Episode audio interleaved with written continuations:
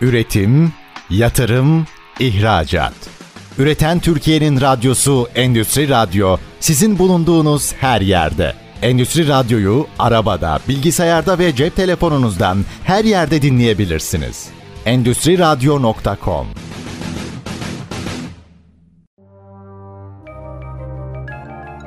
Koray İnan'ın hazırlayıp sunduğu Satış 4.0 Dünyası programı başlıyor. Herkese merhabalar. ST Endüstri Radyo'dan ben Koray İnan'ın hazırlayıp sunduğu Satış 4.0 Dünyası programına hoş geldiniz. Bugünkü konuğum İTÜ Girişimcilik ve İnovasyon Merkezi Müdürü Adnan Veysel Ertemel ile birlikte performans pazarlamayı konuşacağız. Çok önemli bir konu özellikle şirketler için pazarlama can damarı, satış can damarı. Dolayısıyla nakit akışının yaratıldığı kanallardan da bir tanesi. Mutlaka ve mutlaka özellikle bu dönemlerde, bu devirde e, tüm pazarlama kanallarını en verimli şekilde kullanmak aslında şirketler için çok önemli. Hocam merhabalar, hoş geldiniz. Merhaba, hoş bulduk Koray Bey. Nasılsınız? Sağ olun, teşekkür ediyorum. Her şey yolunda. Sizler nasılsınız? Ben de iyiyim. Teşekkür ederim nazik davetiniz için. Ne demek hocam? Valla bugün çok keyifli bir konu. Özellikle bu performans pazarlama dediğimizde dünyada tabii ki birçok farklı ders programları işte bu konuyla ilgili know-how var ama Türkiye'de biraz daha yeni bir konu. Özellikle sizin daha önceki kitaplarınıza da biraz da atıflar yaparak hani bu konuyu konuşmak çok eğlenceli, keyifli ve verimli olacak diye düşünüyorum. Öncesinde hocam sizi biraz tanıyalım. Ne yapıyorsunuz? Neler yaptınız şu ana kadar? Kısaca dinleyicilerimize aktarabilir misiniz kendinize? Tabii, teşekkürler. Ben e, esasında bilgisayar mühendisliği kökenliyim. Yıldız Teknik Üniversitesi'nde bilgisayar bilimleri ve mühendisliği bölümünü bitirdim. Ardından Boğaziçi Üniversitesi'nde mühendislik ve teknoloji yüksek lisans programından mezun oldum yüksek lisans konusunda. Ardından Marmara Üniversitesi'nde pazarlama doktorası yaptım. 2010-11 yılı gibi doktoramı bitirmiştim ancak esasında bir yandan da 8-10 yıllık aynı dönemlere denk gelen bir girişimcilik maceramız oldu. Üç tane şirket kurduk. Bir yerlere getirip devrettik. Yaklaşık 5-6 yıldır tam zamanlı akademisyenim. Bir süre İstanbul Ticaret Üniversitesi'nde öğretim üyeliği yapmıştım. Şu anda da İstanbul Teknik Üniversitesi'nde işletme mühendisliği bölümünde öğretim üyesiyim. Aynı zamanda da İstanbul Teknik Üniversitesi Girişimcilik ve İnovasyon Uygulama Araştırma Merkezi Müdürüyüm. Süper hocam. Aslında sizin tabii şey tarafı da var. Hani hem akademisyen tarafınız var hem de biraz önce söylediğiniz gibi uzunca bir dönem girişimcilik maceranız da oldu. Hani piyasaya da yakından tanıyorsunuz. Hani realde neler olup bittiğini de farkındasınız. Dolayısıyla hani bu pazarlama konusunu sizle konuşmak ayrı bir aslında değerli olacaktır diye düşünüyorum sahayı da tanıdığınız için. Şöyle yapalım hocam. Benim programımı dinleyiciler biliyor. Üç bölümden oluşuyor. Birinci bölümü genelde kavramlara ayırıyorum. Konuşacağımız konunun yani ana kavramı biraz incelemeye çalışıyorum. Size soracağım ilk soru da şu aslında. Hani madem performans pazarlamasını konuşacağız. İlk bunun kökünden girelim. Pazarlama nedir ve nereye gidiyor? Hani bu kısmı biraz son özellikle bu gidişat çünkü çok hızlı. Biraz onu anlamaya çalışmak istiyorum aslında. Siz neler düşünüyorsunuz bu konuda hocam? Teşekkürler. Aslında şöyle bir başlangıç yapalım isterseniz. Bazen karışabiliyor. Satış nedir, pazarlama nedir, satışın pazarlamadan farkı nedir diye baktığımız zaman satıştan farklı olarak pazarlamanın özü aslında şu. Ürünü öylesine iyi tasarlamak ki bunu da yaparken müşteriyi öylesine iyi anlamak ki ürettiğiniz ürünün tasarladığınız ürünün ya da hizmetin kendi kendini satması. Yani ekstra klasik manada bir satış faaliyetine gerek bıraktırmaması. Aslında pazarlamanın özü bu. Pazarlama son dönemde, son yıllarda ne yönde doğru gidiyor diye baktığımızda da aslında bundan 6-7 yıl önce kaleme aldığım bir kitap var. Çok da ses getirdi. Hatta İngilizceye çevrildi. Modern pazarlamanın babası olarak tabir edilen Philip Kotler, Profesör Doktor Philip Kotler'in bir ön sözü de oldu İngilizcesinde. İllüzyonel pazarlama. Orada da aslında marka tüketici ilişkisinde işin illüzyonel boyuta gittiğini anlatıyorum. Aslında vaka olan bir şeye isim verdim hikaye anlatıcılığı gibi, deneyim tasarımı gibi, oyunlaştırma gibi son yıllarda daha sıklıkla duyduğumuz stratejilerin ancak bunların hepsine dikkat ederseniz beynimizin sağ bölümüne yani bilinç dışına hitap eden stratejiler. Bunların son yıllarda pazarlama profesyonelleri tarafından gittikçe daha sıklıkla kullanıldığını anlatıyorum. Ve birçok örnek eşliğinde bunun doğrusu nedir, hangi sırada yapılmalıdır, Ne zaman bu stratejileri uygulamak doğru değildir. Yani işin etik boyutuna da dikkat çektiğim, karanlık yüzüne de dikkat çektiğim e, ilginç bir kitap oldu. Biraz illüzyon kelimesi negatif çağrışım da yapıyor bu arada. Öyle de yapmalı. Çünkü dediğim gibi işin bir de karanlık boyutu var. Özetle pazarlama bu noktaya evrilmiş durumda. Tüketiciler akışta hissetmek istiyor. Bir satın alma kararı verirken ya da bir ürün ya da hizmeti kullanırken bir, bu bir bankanın mobil uygulaması olabilir ya da çok daha farklı bir ürün ya da hizmet olabilir. Düşünmek istemiyor. Sezgilere dayalı kendiliğinden hareket etmek, otopilotta hareket etmek istiyor. Aslında pazarlama buraya doğru evriliyor diyebiliriz. Hocam süper valla. Özellikle şu Philip Kotler'in ön yazı yazması bence muhteşem. Çok değerli bir şey olduğunu düşünüyorum ben. Bu izyoner pazarlamada tabii farklı farklı pazarlamanın farklı stratejilerini ele almıştınız. O kitapta çok keyifli bir kitap. Biraz aslında oraya da bugün atıf yapıyor olacağız zaten. Peki hocam şimdi şeye gelsek yavaş yavaş. Dediniz yani pazarlama dediğimizde aslında ürün ya da hizmet öyle iyi tasarlanmalı ki, öyle iyi olmalı ki kendi kendine satsın demiştiniz. E, şimdi buradan aslında biraz şeye de giriyoruz. Bu performans pazarlamasına da yavaş yavaş giriyoruz diye düşünüyorum.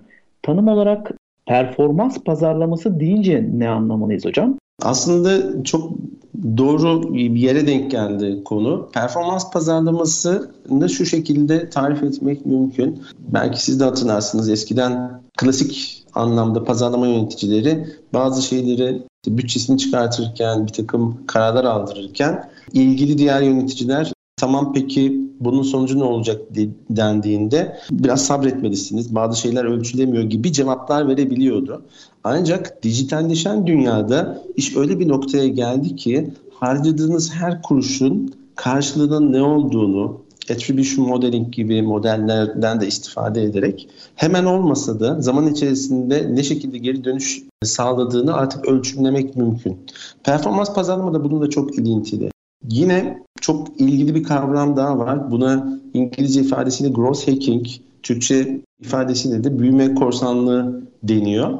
Burada da aslında az önce belirttiğim gibi kendi kendini satan ürünler geliştirmek çok kıymetli. Aslında ürün geliştirme ile pazarlamanın zaman içerisinde dijitalleşen dünyada bir füzyona uğradığını görüyoruz. Yani öylesine bir ürün tasarlanmalı ki virallik yani ağızdan ağzı pazarlamayla ürünün kendiliğinden başka insanlar tarafından da kullanılmasının sağlanması bu mekanizma ürünün içine giydirilmiş olsun. Growth hacking dediğimiz ya da performans pazarlama dediğimiz kavram bunlar da çok ilintili. Yine tanım yapmak gerekirse growth hacking'i dijital dünyadaki araç takımını kullanarak kreatif yöntemlerle üstsel büyümeyi hedefleyen yeni bir yaklaşım olarak tarif etmek mümkün. Bu kavram kullanıcıların ürünleri nasıl keşfedip benimsediklerini anlamaya odaklanıldığında e, yalnızca pazarlama bütçesi harcamak yerine daha fazla kullanıcı edinmeye ve elde tutmaya yardımcı olacak çeşitli stratejiler geliştirmeyi ifade ediyor. Kısaca bu şekilde tarif edebiliriz. Hocam çok acayip kavramlar içlerini doldurmak tabii ki önemli. Şunu duydum ben daha önceden aslında ölçülemeyen, daha doğrusu tam olarak ölçülemeyen şeyleri biz bu performans pazarlama araçlarıyla daha doğrusu çok net olarak ölçmeye başladık kısmını duydum. Bir de şu growth hacking yani büyüme korsanlığı olarak hani Türkçe'ye çevirdiğimizde bu bir üstsel büyüme amaçlayan bir kurgu gibi söylemiştiniz. Dolayısıyla burada şey var aslında galiba değil mi?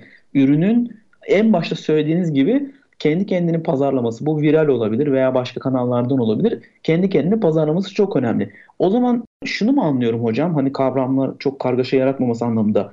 Bu growth hacking dediğimiz yani büyüme korsanlığı dediğimiz kurgu aslında performans pazarlamanın da içinde. Yani performans pazarlama en üstte olan bir kavram mı anlıyoruz? Size sorayım tam oturtmak için zihnimde.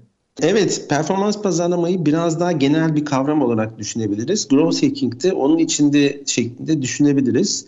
Özetle aslında geleneksel pazarlama mantığıyla analitik becerileri harmanlayarak yeni kullanıcı edinmede tamamen işi rakamlara döküp örneğin 1 milyon kullanıcı edinmek için ne yapmalıyız? farklı hipotez testleri gerçekleştirerek buna farklı deneyler tasarlama da diyoruz. Farklı deneyler tasarlayıp, farklı hipotez testleri gerçekleştirerek bir takım kilit göstergeler, kilit metrikleri sıra dışı biçimde arttırmayı amaçlayan bir takım AB testleri yapmak. Aslında performans pazarlamanın özünde olan şey bu. Growth hacking dediğimiz kavram da tam da bununla ilintili.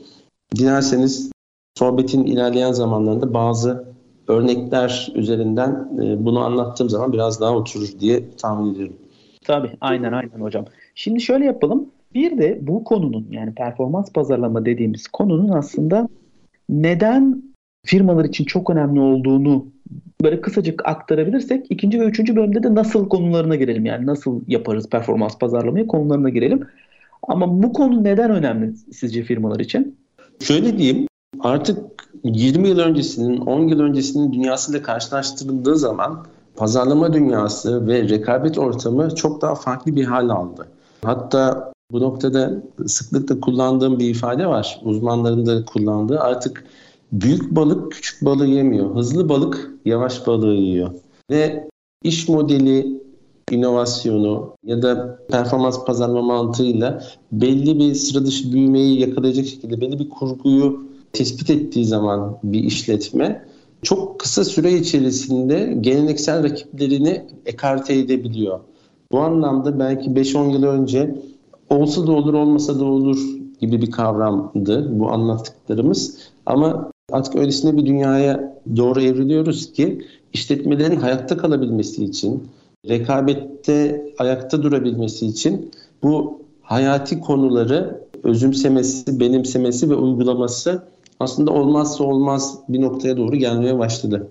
Aslında şunu duydum sizden. Bir firma hayatta olmak ve var olmak istiyorsa bu konu çok önemli bir konu. Mutlaka bu konuya önem vermeli diye duydum. Ben de kesinlikle böyle düşünüyorum. Özellikle pazarlamanın ve dünyanın daha doğrusu bu kadar hızlı değiştiği bir dönemde mutlaka bu pazarlama konusu çok çok önemli bir hale geliyor. Bir de dünya çok küçüldü. İkinci ve üçüncü dönemde bölümde konuşuruz bunu. Yani buradan Türkiye'de işte Türkiye'nin bir köyünden bile bir ürün yapıp e, yurt dışına o ürünü gönderebiliyoruz. Dolayısıyla aslında biraz önce söylediğiniz gibi hızlı olmak, inovatif olmak gibi e, kavramlar çok çok önemli bir unsur haline gelmeye başladı. Bunların hepsini ve daha fazlasını ikinci ve üçüncü bölümlerde konuşacağız değerli dinleyiciler. Özellikle şey konusu çok çok önemli. Hocama bunları soracağım ikinci bölümde. Bu performans pazarlama dediğimiz konunun alt kırılımları ve o alt kırılımlarının böyle kısa kısa tanımlarını, daha doğrusu ne olduğunu, nasıl çalıştığını ve özellikle bu çalışma sonucunda çıktılarını yani return of investment konusu çok çok önemli. Her bir e, üründe ve harcamada olduğu gibi. Dolayısıyla burada e, benim anladığımda zaten özellikle şeyler çok çok önemli. Geri dönüşlerinin sayılabilir, görülebilir olması, somut verileri dayanması çok çok önemli diye düşünüyorum. Değerli dinleyiciler, konuğum Adnan Veysel Ertemel ile birlikte performans pazarlama konusunu konuşuyoruz. Kısa bir aradan sonra tekrar sizlerle birlikte olacağız. Bizimle kalmaya devam edin. Üretim, yatırım, ihracat. Üreten Türkiye'nin radyosu Endüstri Radyo sizin bulunduğunuz her yerde. Endüstri Radyo'yu arabada, bilgisayarda ve cep telefonunuzdan her yerde dinleyebilirsiniz. Endüstri Radyo.com Herkese merhabalar. ST Endüstri Radyo'dan ben Koray İnan'ın hazırlayıp sunduğu Satış 4.0 Dünyası programının bugünkü konuğu İTÜ Girişimcilik ve İnovasyon Merkezi Müdürü Adnan Veysel Ertemel ile birlikte performans pazarlama konusunu konuşuyoruz. İlk bölümde kavramları konuştuk. Pazarlamanın ne olduğunu, performans pazarlamanın ne olduğunu ve neden bu dönemde çok çok önemli olduğunu konuştuk. Şimdi ikinci bölümde biraz daha artık derine inmek istiyorum. Hocam bu kavramlar işte performans pazarlama olsun, growth hacking yani büyüme korsanlığı dediğimiz kavram olsun. Bunlar aslında Amerika'da ve Avrupa'da ya da işte dünyanın birçok farklı yerinde uygulanan ve oralardan aldığımız kavramlar diyebiliyorum ben. E, dolayısıyla biraz o yani çıkış yerlerini ve nasıl çıktığından bahsedebilir misiniz bize? Tabii. Aslında Silikon Vadisi yaklaşımı dediğimiz bir kavram bu. O da şu. Google, Facebook, YouTube, Twitter bunların tümünün aynı coğrafyadan çıkması, Silikon Vadisi adlandırılmış, adlandırdığımız coğrafyadan çıkması aslında tesadüf değil. Çünkü o coğrafyada son 50-60 yıldır benimsenen bir iş yapma kültürü var. Bu kültürde şunu ifade ediyor. Bir iş fikrinin en hayati varsayımlarına dair olabildiğince kısa sürede ve olabildiğince ucuza pazardan teyit alma mantığına dayalı yine deneyler tasarlamayı ifade ediyor. İngilizce ifadesiyle fail fast, fail cheap. Yani bir işi kaybederek ya da çuvallayarak deneye yanıla bir yere varabilirsin. Ancak önemli olan her bir çuvallamanın olabildiğince ucuza mal olması ve olabildiğince hızlı olması.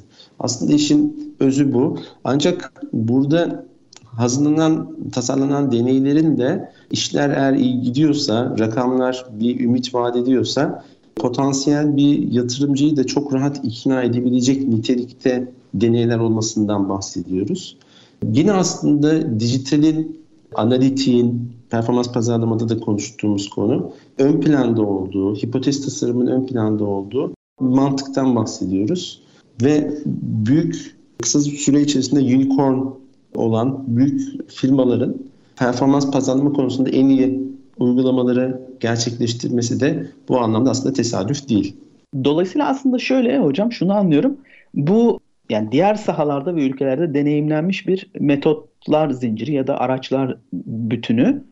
Ee, biraz siz söyleyince biraz şey aklıma geldi. Biz aslında bu topraklarda Türkiye'de yaşayan insanlar bu işi sanki önceden de yapıyordu hani hızlıca yapalım işte o işler rayına girer ama hani biz bir açalım da bakalım ondan sonra hani kervan yolda düzülür hesabı falan. Hani bu kelimeler bana sanki şeyi anlatıyor. Biz ülke ve insanlar olarak sanki buraya meyilliyiz. Biraz bu, bu kanımızda var gibi sanki bilmiyorum ama siz söyleyince öyle bir hisse kapıldım. Aslında hem katılıyorum hem katılmıyorum bu ifadeye. Katıldığım nokta evet mentalite özünde kesinlikle bunu dediğiniz gibi bu anlayışa benzer. Katılmadığım nokta şu. Biz Türkler iyi bir kurgu yakalamışsak yani iyi para kazanmaya başlamışsak diyeyim geliştirdiğimiz o yeni üründe e, yeni deneyler yapmayı bırakabiliyoruz. Ancak unicorn dediğimiz kavram şunu ifade ediyor. Bir startup'ın yeni bir teknoloji girişiminin 6 ay gibi, 1 yıl gibi kısa bir süre içerisinde sıfırdan 1 milyar dolarlık değerlemeye ulaşmasını ifade ediyor. Aslında e, yabancıların iyi yaptığı şey şu, iyi bir kurgu yakalasa dahi orada bırakmayıp daha iyi bir kurgu nasıl yakalayabilirim, nasıl keşfedebilirim? Bunun arayışına devam ed- ediyor olması. Ben orada da şu örneği vereceğim. Bundan yıllar önce Webrazi'de kaleme aldığım bir makale vardı. Orada çocukların oyun hamuruna benzetiyorum aslında teknoloji girişimlerini. Ve tıpkı bir oyun hamurunu paketinden ilk çıkardığınızda aklınıza gelen her şekli kolaylıkla verebildiğiniz gibi bir yeni bir teknoloji girişimi de ilk aylarında potansiyel müşterilerden gelen geri bildirim ışığında her şekli alabiliyor. Ancak aradan 6 ay, 1 yıl geçtikten sonra yani sizin e, yapınız artık katı bir yapı haline geldikten sonra örneğin 3 ortaksınız diyelim. Birinci ortağın bir fikri vardı, denediniz, tutmadı. İkinci ortağın fikri vardı, denendi, tuttu. Ve işte 3 kişiydiniz, bir yıl sonra 23 kişilik bir şirket oldunuz. Bir kahve sohbetinde üçüncü ortak benim fikrimi niye denemedik dediğinde belki de ekibin onun üzerine hani bir bardak soğuk su içmesi gerekiyor. Çünkü artık istese de o deneyleri, iş fikrinin en hayati kısımları ile ilgili deneyleri yapabilecek esnekliği yitirmiştir o girişim. O oyun hamuru katılaşmıştır. Çünkü artık müşteri geliştirme görüşmelerine, satış görüşmelerine ortak değil de satıştan sorumlu genel yardımcısı gidiyordur gibi. Bilmiyorum anlatabildim mi? Ee, Hocam valla süper anlattınız bence. Şu saptama bence enfesti. Evet biz hani girişmekte iyiyiz ama giriştikten sonra da devamlı öğrenen ve devamlı gelişen yapıları kurmakta e, ne, ne yazık ki giriştiğimiz kadar o kadar iyi değiliz. Dolayısıyla burada biraz çuvallıyoruz dediniz. Yüzde yüz katılıyorum ben de. Özellikle bir konuyu bulduktan sonra ki özellikle teknoloji şirketleri zaten her gün kendini geliştiriyor. Her gün acaba ne yapabilirim sorusunu soruyorlar. Acaba müşterilerimi daha nasıl mutlu ederim sorusunu hep soruyorlar. Dolayısıyla bu soru çok çok önemli. Burada hocam biraz galiba şey de var. Yani biz tabii pazarlamadan konuşuyoruz ama aklıma şu da geldi size anlatırken. Burada toplumun kültürü, inançları hatta şirketin iş yapış biçimi, yatay yapılanması, dikey yapılanması, esnekliği yani birçok şey işin içine giriyor aslında. Burada tabii biraz önce söylediğiniz gibi esnek olmak en önemli kavramların başında geliyor galiba şirket için. Hani karar alırken ki süreçlerde ve hızda galiba. Kesinlikle çok katılıyorum. Aslında özellikle teknoloji şirketlerinden bahsediyorsak, yeni startuplardan bahsediyorsak bu iş kaotik bir organizasyon ve İngilizce ifadesiyle up and down'ların yani iniş çıkışların çok olduğu, ekibin sıklıkla ya biz bu işi bırakalım zihniyetine girebildiği, tam tersinde olabildiği bir süreçten bahsediyoruz. İşte yabancılar ya da bu Silikon Vadisi yaklaşım aslında yine şunu öğütlüyor. Küçük kazançlarla, işte quick win'lerle diyelim ve ekibin kendisini motive edeceği ölçüde adım adım ilerlemek, incremental ilerlemek. Yani her bir deneyde o iş fikri yapması çok zor, çok uzun süren bir ürün olsa dahi her bir deneyde bazen yapmış gibi hareket ederek, bazen işin özünü, kalbini yaparak ama yine aynı şeyler edeceğim. Potansiyel bir yatırımcıyı da çok rahat ikna edebilecek şekilde nitelikli deneyler yapmak ve aslında kendi psikolojinizi de olumlu anlamda yönetmeye çalışmak. Yani aslında çok karmaşık bir süreçten bahsediyoruz. Ancak bu Silikon Vadisi yaklaşımı bununla ilgili aslında bir sürü konuda tavsiyelerde bulunuyor diyebiliriz. Hocam şimdi yavaştan şeye geçelim bence şu performans pazarlama diyoruz, performans pazarlama diyoruz, growth hacking diyoruz. Burada biraz alt kırılımlarını yaparsak, verirsek neler var bu performans pazarlama Ne geliyor aklımıza? Hani hangi alt başlıklardan konuşabiliriz? Aslında çok yeni bir gelişmeyi de size paylaşmak isterim. Yine İstanbul Teknik Üniversitesi'nde e, sürekli eğitim merkezinin de desteğiyle Türkiye'de ilk defa performans pazarlama ve growth hacking bu konuda bir eğitim programı açıldı.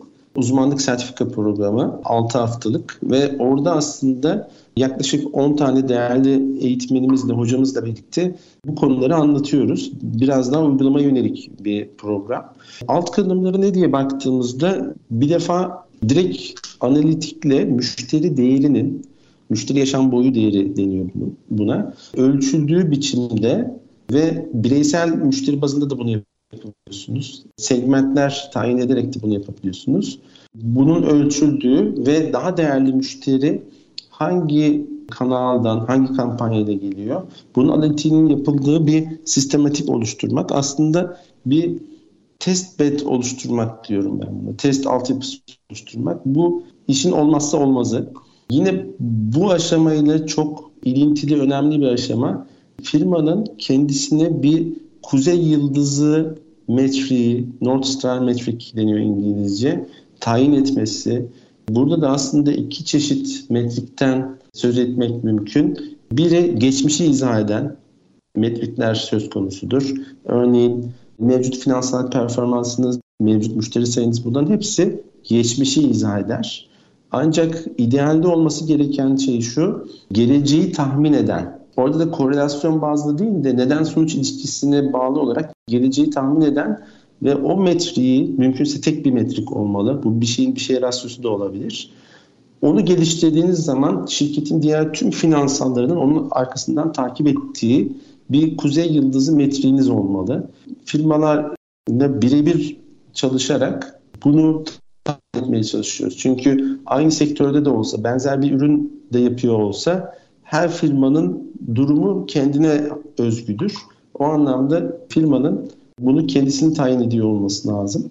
O zaman hocam şöyle mi anlıyorum ben aslında firma bir kendi analizini yapacak ya da yapmalı ve burada her firmada tabii farklı farklı metrikler var. Çoğu tabii birbiriyle aynı belki ama orada bu neydi kuzey yıldızı metriği dediğiniz hani kavram olarak orada o metriği bulup o metrik aslında şunu yapıyor galiba anladığım kadarıyla çarpan etkisi yaratıyor galiba.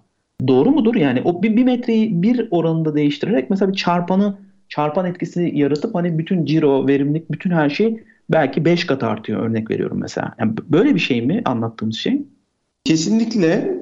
Burada da yine aslında hangi rakamı nereden nereye taşırsak nasıl bir sonuç çıkar? Neden sonuç ilişkisi dediğim şey bu. Bu mantığa göre bir takım çıkarımlarda bulunmaktan bahsediyorum. Mevcut veri üzerinden geçmişe dönük test yapıp geleceği ona göre tahminlemekten bahsediyorum. Bir örnek vereyim. Aslında yine büyük oteller zincirine çok kısa bir süre içerisinde rakip olan uluslararası yine unicorn diyebileceğimiz bir konaklama ile ilgili internet bazlı bir firma şunu yaptı. San Francisco'da yani belli spesifik bir coğrafyadaki az sayıda müşterisine bir AB testi gerçekleştirdi. Bu tarz bir internet sitesinde e, görsel olarak ne görülür? Fotoğraflar, ev sahiplerinin eviyle ilgili çektiği, farklı açılardan çektiği fotoğraflar. Ben dahil olmak üzere toplumun önemli bir kısmı profesyonel fotoğraf çekim teknikleri, işte ışık hangi açıdan çekilse daha iyi olur vesaire. Bunu çok iyi bilmiyor. E, haliyle bu tarz bir web sitesindeki fotoğraflarda o kadar da albenisi olmayan fotoğraflardan oluşuyor. Firma şunu yapmış. San Francisco'daki belli bir coğrafyadaki müşterilerine o coğrafyada 20 tane profesyonel fotoğrafçı kiralamış firma ve az sayıda bu müşterilerine şöyle bir teklifte bulunmuş. Eğer isterseniz evinizin fotoğraflarını bizim tuttuğumuz profesyonel bir fotoğrafçı gelip çekecek ve sizin adınıza sisteme yükleyecek. Böyle bir teklifte bulunmuş ve mevcut müşterilerin yüzde kaçının bu teklife onay verdiğine bakmış. Daha da önemlisi bu şekilde sisteme yüklenen fotoğrafların olduğu evler muadillerine göre ne oranda rezerve ediliyor. Bu arada bunların kuzey yıldızı metriği de rezervasyon sayısı. Buna bakmışlar ve arada çok ciddi bir fark görmüşler olumlu anlamda. Bir hesap kitap yapmışlar ve demişler ki hiç önemli değil. Bütün kullanıcılarımıza bu hizmeti ücretsiz olarak açalım demişler. Ve o tarihten sonra bu internet sitesi üstsel olarak büyüdü. Çok hızlı biçimde büyüdü. Vay hocam ya enfes örnek. Ya enfes.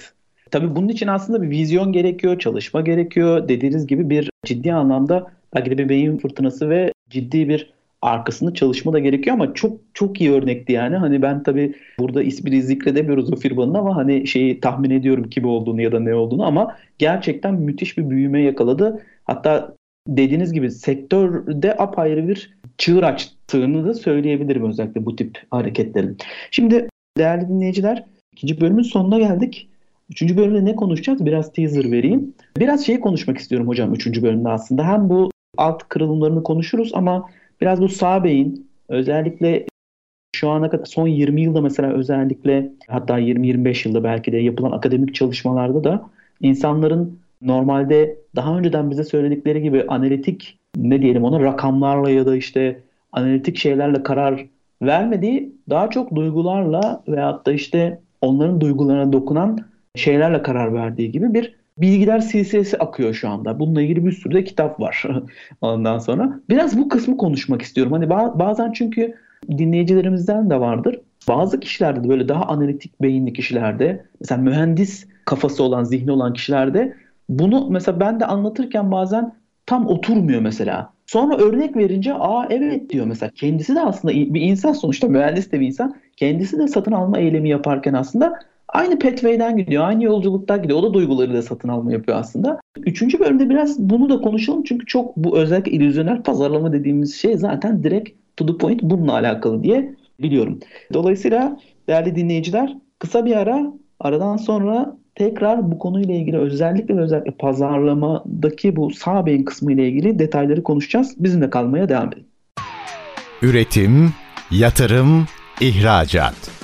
Üreten Türkiye'nin radyosu Endüstri Radyo sizin bulunduğunuz her yerde. Endüstri Radyo'yu arabada, bilgisayarda ve cep telefonunuzdan her yerde dinleyebilirsiniz. Endüstri Radyo.com Herkese tekrar merhabalar. ST Endüstri Radyo'dan ben Koray hazırlayıp sunduğu Satış 4.0 Dünyası programının bugünkü konuğu İTÜ Girişimcilik ve İnovasyon Merkezi Müdürü Adnan Veysel Ertemel ile birlikte performans pazarlama konusunu konuşuyoruz. Birinci bölümde kavramlar üzerinden konuştuk. Pazarlamanın ne olduğu, performans pazarlamasının ne olduğu ve neden çok önemli olduğu konularını konuştuk. İkinci bölümde biraz daha alt ve dip analizleri yaptık. Şimdi bu bölümde, üçüncü bölümde özellikle hazır da hoca bu bulmuşken ki ana konularından bir tanesi aslında bu illüzyonel pazarlama kitabında da yazdığı gibi pazarlamanın bu biraz da böyle hem bilimsel ama bilimsel olmasına rağmen bir yandan da böyle bir e, nasıl söyleyeyim illüzyonel tarafının olduğu kısma konuşalım istiyorum. Hocam şimdi bu kavram olarak illüzyonel pazarlama dediğimizde aslında bu illüzyonel pazarlama kısmı herhalde şuraya atıf, atfen yazıldı diye düşünüyorum. Artık şunu biliyoruz ki yapılan birçok çalışmada bu beyin taramalarıyla birlikte aslında akademik çalışmalar olarak da bize geri dönüyor. İnsan davranışlarında insan bir davranışı gerçekleştirirken, karar alırken daha doğrusu duyguları çok çok önemli. Neredeyse çok büyük bir çoğunlukla duygularımızla biz karar alıyoruz ya da davranış sergiliyoruz. Ve tabii ki duygu işin içine girdi mi duygu dediğiniz şey derya deniz bir illüzyon aslında aynı zamanda. Hem manipüle edilebilir hem de kendi duygumuzu tanımaktan bile o kadar uzağız ki çoğumuz olarak hani herkes tabii ki sözüm dışarı ama duygu işin içine girdi mi gerçekten bir illüzyon konusu var. Biraz hani burayla ilgili neler var, sizin çalışmalarınıza neler çıktı? Biraz onu konuşmak isterim. Teşekkürler. Ee, şöyle diyeyim, aslında 2000'li yılların başlarından beri yani 20 küsur yıldır dikkat ederseniz davranışsal iktisatçılar Nobel İktisat Ödülleriyle onur ediliyor birbiri ardına. İşte Taylor, Kahneman vesaire vesaire.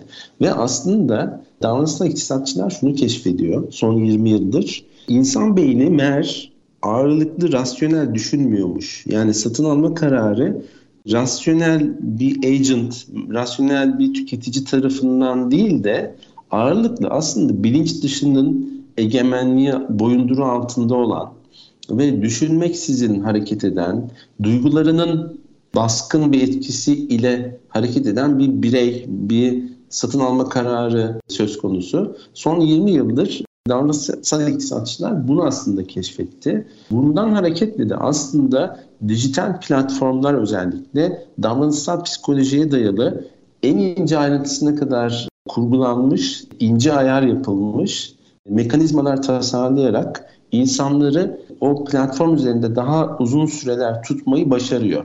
Aslında illüzyon kelimesi birazcık negatif çağrışım yapıyor dedim ya. Öyle de yapmalı. Çünkü işte bunun karanlık tarafı da bu. Şöyle bir örnek vereyim size. Çoğumuz Instagram kullanıyordur ve çoğumuz Instagram'a girdikten sonra ilk birkaç dakika içerisinde birkaç dakika sonra hiç tanımadığımız insanların videolarını scroll ederken kendimizi buluyoruz. Neden? Bu tarz platformlar bizi ekranı mıhlamada diyeyim gayet başarılı. Tam da bunun için aslında anti sosyal medya platformları bile yurt dışında çıkmaya başladı. Günde sadece bir defa size bildirim geliyor ve o bildirim sonrasında iki dakika içerisinde telefonunuzun hem ön hem arka kamerası açık olacak biçimde o anda ne yapıyorsanız onun fotoğrafını çekiyorsunuz. O an müsait değilseniz de hiç fotoğraf çekmiyorsunuz. Günün geri kalan 23 saat 58 dakikasında ne yapıyorsunuz? Gerçek hayata vakit harcayın. Bu tarz antisosyal medya platformları bile çıkmaya başladı. Hocam o zaman şunu anlıyorum aslında. Bu dediğiniz kahnemanlar bu sistem 1, sistem 2 yani şunu söylüyorlar aslında davranışçı iktisatçılar. Biraz önce sizin de aktardığınız gibi bu bilinç dışının satın alma eyleminde, satın alma davranışında e, çok çok önemi var. Dolayısıyla aslında buraya bakılmalı diye bir işaret fişeği veriyorlar. Dolayısıyla bu 2000'lerden 2000'lerin başından beri de bu işaret fişeği aslında bu illüzyonel pazarlama gibi ya da işte performans pazarlama da dahil olmak üzere birçok pazarlamanın alt bilimine ışık tutuyor. Dolayısıyla burada şu var aslında şunu söyleyebiliriz aslında.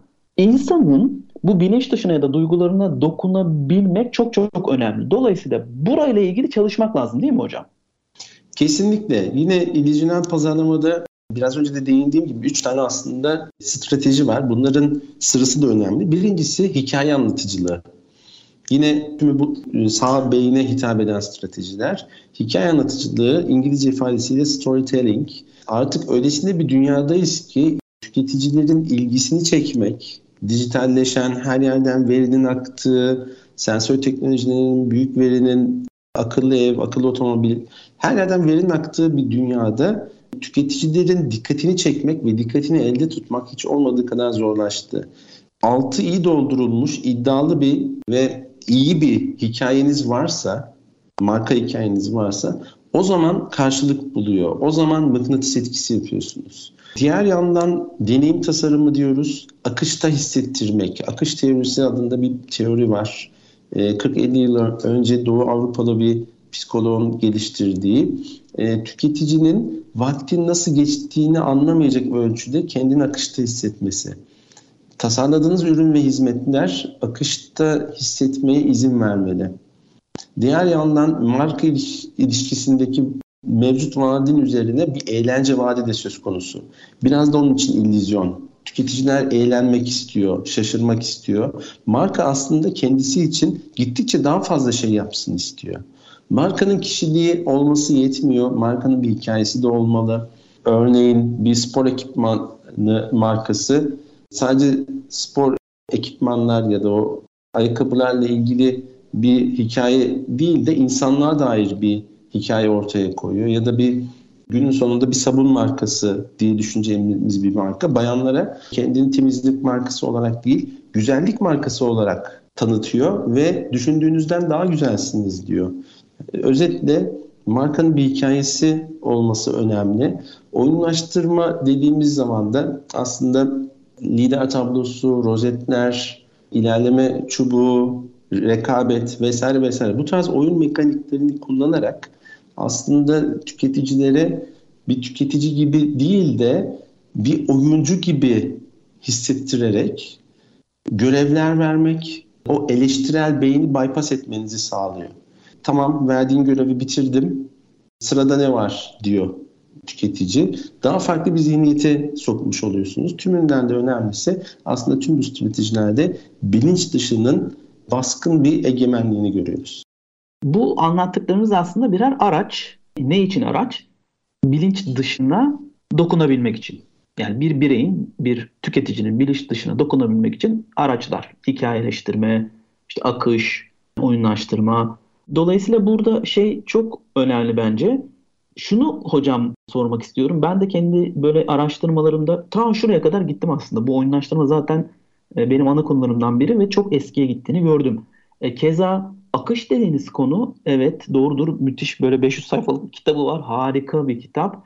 Yine kadim bilgilere gidiyorsunuz. Ta 2500-3000 sene önce yani o kadim bilgilerde akış var aslında. Yani üstadları anlatmış akışı. Tam olarak o akış olarak anlatmış hatta. Bu da var. Hikayeleştirme yine ta bizim eski Orta Asya'daki Türklere, şamanlara kadar kadar gidin hikayeleştirme de var aslında. Dolayısıyla şöyle hocam şunu soracağım. Bunlar zaten var olan kavramların e, yeniden paketlenmesi gibi ama bu dünyaya uygun olarak paketlenmesi gibi görüyorum. Bilmiyorum siz ne düşünüyorsunuz bunu ama. Kesinlikle, kesinlikle. Yani özetle ben İllüzyonel Pazarlama kitabında yeni bir şey icat ettiğimi iddia etmiyorum zaten. Vaka olan, ortada olan ancak gittikçe de daha da önem kazanan bir şeyi kavramsallaştırarak bir isim verdim ve bu stratejilerin pazarlama yönüyle nasıl kullanılması gerektiği, hangi sırada kullanılması gerektiği, ne zaman kullanılmaması gerektiğini anlattım. Bu stratejiler neden daha da önem kazanacak bunları anlattım. Çünkü gittikçe dijitalleşen bir dünyada, dikkat ekonomisi adıyla karakterize edilen bir dünyada çünkü tüketicilerin dikkatini çekmek gittikçe zorlaşıyor. Bu tarz sağ beyni hitap eden stratejiler gittikçe önem kazanıyor. Ben bu konuda güzel bir örnek var. Genellikle anlatıyorum. Farkında olmadan o deneyimin içine sokmaya güzel bir örnek. Yine bir akıllı telefon markası diyeyim. Eski pusula arayüzü şu şekildeydi. Bildiğiniz gibi bütün akıllı telefonlarda pusulayı sensörünü aktive etmek için birkaç defa 8 işareti yapmalısınız. Ve istatistikler şunu gösteriyormuş. İnsanlar ilk gördüğünde o bunun kullanım direktiflerini gösteren birkaç yazıyı ilk gördüğünde ilk başta ne yapması gerektiğini %65 oranında ne yapması gerektiğini bilmiyormuş. Biraz vakit geçirmesi gerekiyormuş. Sonrasında marka arayüzü tamamen değiştirdi ve yeni arayüzünde bir çember var. Çemberin içinde de kırmızı bir top var. Topu çemberin etrafında birkaç defa yuvarladıktan sonra o çemberin etrafındaki beyaz çizgiler belirgin olmaya başlıyor ve bir anda pusula aktive oluyor. Aslında dikkatli bakıldığı zaman bize aynı hareketi yaptırdı. Birkaç defa 8 işareti yaptırdı bu arayüz. Ancak eğlendirerek ve sezgisel bir kullanıcı deneyimiyle. Süper örnek ya hocam var ya o şimdi ben de eski deneyimimi hatırlıyorum da o kadar ben de yani bulana kadar bu ne işe yarıyor neden böyle falan gibi düşünmüştüm. Süper örnek. Süper örnek. Hocam bu şey önemli. Neden bunu örne şey olarak söyledim, örnek olarak söylemiştim bir önceki cümlemi. Aslında bunlar zaten çok önemli ve değerli araçlar ve kullanılan araçlar. Sizin gibi değerli hocalarımız da aslında bunları bu dönemde yani şu anda içinde bulunduğumuz çağda, içinde bulunduğumuz dönemde nasıl daha verimli kullanırız, nasıl daha hayatımıza adapte ederiz konusunu çalışıyorsunuz. Dolayısıyla şuraya kadar gidiyorum. Aslında bunlar zaten o kadar değerli ki o kadar yıllık bir birikimi de var bunların. E, ve herhalde belki de daha da çok da çalışılacak üzerinde diye düşünüyorum. Şimdi hocam e, valla size sohbet çok keyifli ve konu çok keyifli zaten. Üçüncü bölümde sonuna geliyoruz. Programın da sonlarına yaklaşıyoruz. Şöyle bir toplasak hani size şöyle bir soru sorayım. Bazen konuklarıma e, soruyorum bu soruyu. Hani son en son firmalara bu kobi olabilir, orta boy, büyük boy ya da kurumsal olabilir fark etmez. Firmalara bu konuyla ilgili yani performans pazarlaması ve growth hacking ile ilgili şöyle genel bir toplarsak neler tavsiye edersiniz? Böyle kısaca tavsiyelerinizi alıp böyle kapatmak istiyorum hocam. Çok teşekkürler Koray Bey. Benim için de çok keyifli bir sohbet oldu bu arada. Vakti nasıl geçtiğini ben de anlayamadım. Şu şekilde isterseniz bağlayabiliriz. Aslında az önce anlattığım son konulara da e, bağlamış oluruz. Dikkat ekonomisi ile karakterize edilen ve aynı zamanda rekabetin diz boyu olduğu, küreselleşmenin derinden hissedildiği, ürünlerin aynılaştığı bir dünyada fark yaratabilmek için aslında yine bu, hani bunu ben uydurmadım bu arada. Böyle bir kavram var. Ürünü değil müşteriyi geliştirin. İngilizce ifadesiyle customer development. Yani T0 anından itibaren ürünü potansiyel müşterilerle el ele doğrulata doğrulata ancak tırnak içinde muğlak, tırnak içinde ortalama ürün değil artık rekabetin diz boyu olduğu bir dünyada kendi kendini satan performans pazarlama mantığıyla kendi kendini satan, ilgi çeken işte hikayelerle vesaire bu, bunlarla da bağlamış oluyoruz. Bir noktasal olarak da acıya merhem olan ürün ve hizmetler ancak karşılık bulacak geleceğin dünyasında. Bu şekilde özetlemek mümkün. Çok teşekkür ederim. Hocam süpersiniz valla. Harika bir özet oldu. Burada aslında temelde hep şey var. Gelişmek ve hep öğrenmek var. Dolayısıyla bizler de hani kendi sistemimizi aslında bunun üzerine dizayn edersek çok çok önemli olur diye düşünüyorum. Hocam konu çok iyi, çok güzel ve çok aslında alt kırılımları var. Performans pazarlama bence aktardığınız gibi aslında bütün firmalar için önemli hatta hayatta var olmak için önemli araçlardan bir tanesi diye düşünüyorum. Hani siz anlatınca biraz daha bu pekişti. Dolayısıyla bu konuya eğilmek gerekiyor diye düşünüyorum. Hocam iyi ki katıldınız. İyi ki süper bilgileri bizle paylaştınız. Bu keyifli ve güzel bilgileri çok çok teşekkür ediyorum hocam.